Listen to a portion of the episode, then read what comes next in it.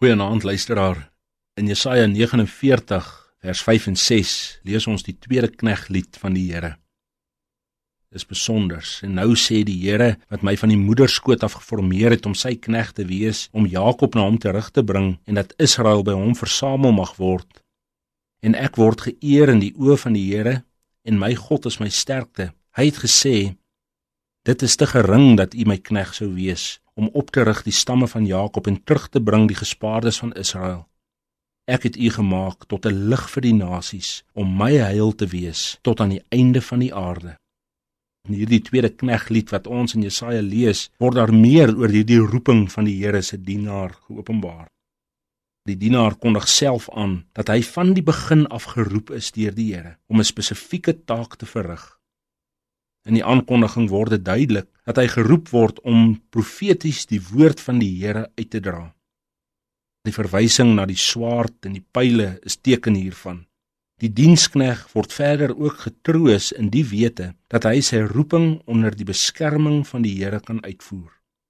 Die roeping van die dienaar van die Here is vervul in die koms van Christus, die woord wat vlees geword het. En op grond hiervan word ons geroep om as dienaars die Here se woord profeties te verkondig, uit te dra en uit te leef. Maar saam met die roeping van die knegg is sy sending van ewe groot belang. Aan die eerste plek is dit die vervulling van Christus wat in die volheid van die tyd gebore is en die evangelie van die koninkryk in Israel kom verkondig het.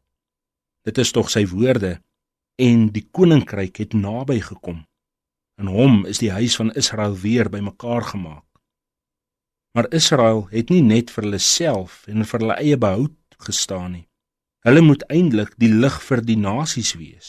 En so is die dienaar van die Here eintlik ook die vervulling van die gelowiges se roeping om die evangelie lig die wêreld oor te laat skyn, dat elke oor sal hoor en elke oog uiteindelik die heerlikheid van Christus sal sien. Nou hoor ons aanvanklike frustrerende uitroep van hierdie dienaar, want dit lyk of sy arbeid vrugteloos is dat al sy inspanning tot niks kom nie. Hoe dikwels beleef ons dit ook nie? Ons roep, ons verkondig, ons vermaan ons lewe met 'n duidelike voorbeeld van Christus, maar tog wil dit lyk asof dit alles te vergeefs is.